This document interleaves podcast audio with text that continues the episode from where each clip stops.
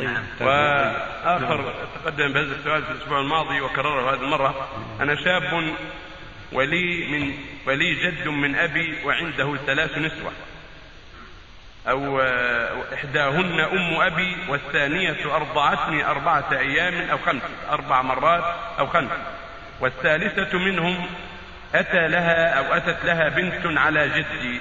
وتصبح عمتي أخت أبي. وعمتي هذه تزوجت وأنجبت بنتا فهل يصح لي بالزواج بهذه البنت أي بنت عمتي؟